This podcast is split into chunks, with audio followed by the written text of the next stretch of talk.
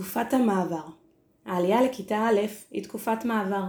כל מעבר הוא תקופה של שינוי, שדורש התייחסות והכנה מראש. פרידה מהמוכר והסתגלות למצב חדש.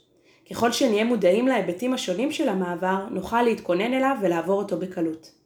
המעבר לכיתה א' הינו אחד המעברים המשמעותיים בחיי הילד וההורים. כבר בגן מקובל להכין את הילד היטב ובצורה הדרגתית לקראת המעבר לכיתה א', מבחינה שכלית, זיכרון, רצף, הבנה ופתרון בעיות. מבחינה מוטורית, כתיבה, גזירה, משחקי כדור. מבחינה רגשית, מעבר הדרגתי מתלות לעצמאות, להתמודד עם תסכול, דחיית סיפוקים. מבחינה חברתית, קבלת חוקים חברתיים, גבולות הרחבת מעגל החברים ועוד.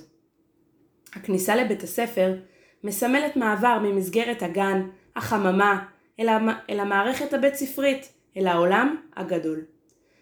בבית ספר, בעולם הגדול, ישנה ציפייה מהילד ליכולת התמודדות מיטבית עם דברים שאיתם לא נפגש עד היום. דחיית סיפוקים, נדרש קשב וריכוז לאורך זמן ארוך יותר. מבנה חדש וגדול, אגן קטן ואינטימי, לעומת מבנה גדול ומרחבים רבים. חצר גדולה. מספר גדול של ילדים בגילאים שונים. ישנו מרחב חברתי חדש בכיתה. בעלי תפקידים רבים, מספר המבוגרים איתם הילד נמצא בקשר גדל ומשתנה. ישנם הבדלים בסגנון הלמידה, ישנם גם דרישות מהילד, שיעורי בית, משימות, קריאה וכתיבה. ישנו סדר יום מובנה וברור. לראשונה גם מתמודד הילד עם מדידה והערכה. אז כיצד ניתן להתמודד עם לחצים אלו ואחרים, על מנת לאפשר לילדינו ולנו ההורים לעבור מעבר משמעותי זה בהצלחה. המודעות שלנו הורים שזיכרונותיהם וחוויותיהם כתלמידים או כהורים לילדים בוגרים יותר היו קשים, עלולים להיכנס ללחץ.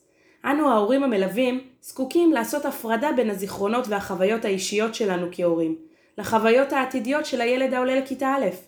נאפשר לו לסחוב על גבו רק את ילקוט בית הספר שלו, ללא הפחדים והחרדות שלנו ההורים. ישנם הורים המאמינים שאם הם יפחידו את הילד, הוא יהיה מוכן טוב יותר לבית הספר. ההפך הוא הנכון. ילד הנכנס מפוחד לבית הספר, הינו ילד חרד, שאינו פנוי ללמידה ולפיתוח קשרים חברתיים. ההכנה לכיתה א' צריכה להיות מאוזנת ומרגיעה. הילד העולה לכיתה א' הוא עומד בזכות עצמו. חשוב לראות בו כיחידי. הוא לא מתחרה באחיו הגדולים. אין לצפות ממנו שיעמוד בהצלחת הישגיהם, או שיהיה פיצוי על האכזבות של אחיו הגדולים. הילד העולה לכיתה א' יכול להצליח אך ורק על פי דרכו, וחשוב שהוריו יזכרו ויכבדו זאת. כיצד נדע כי ילדנו בשל לעלות לכיתה א'? ישנם ארבעה תחומים שבהם נדע כי הילד בשל. התחום הרגשי, האם הילד מסוגל לבטא את רגשותיו, לומר את רצונותיו בצורה ברורה לנו המבוגרים? כיצד הילד שלנו מתמודד במצבי קונפליקט ותסכול? האם הוא בוכה ונכנס להתקפי זעם שלא יודע על כיצד לצאת מהם? האם הוא נמנע ומסתגר? האם הוא מנסה להתמודד שוב עם התסכול? האם יודע לבקש עזרה?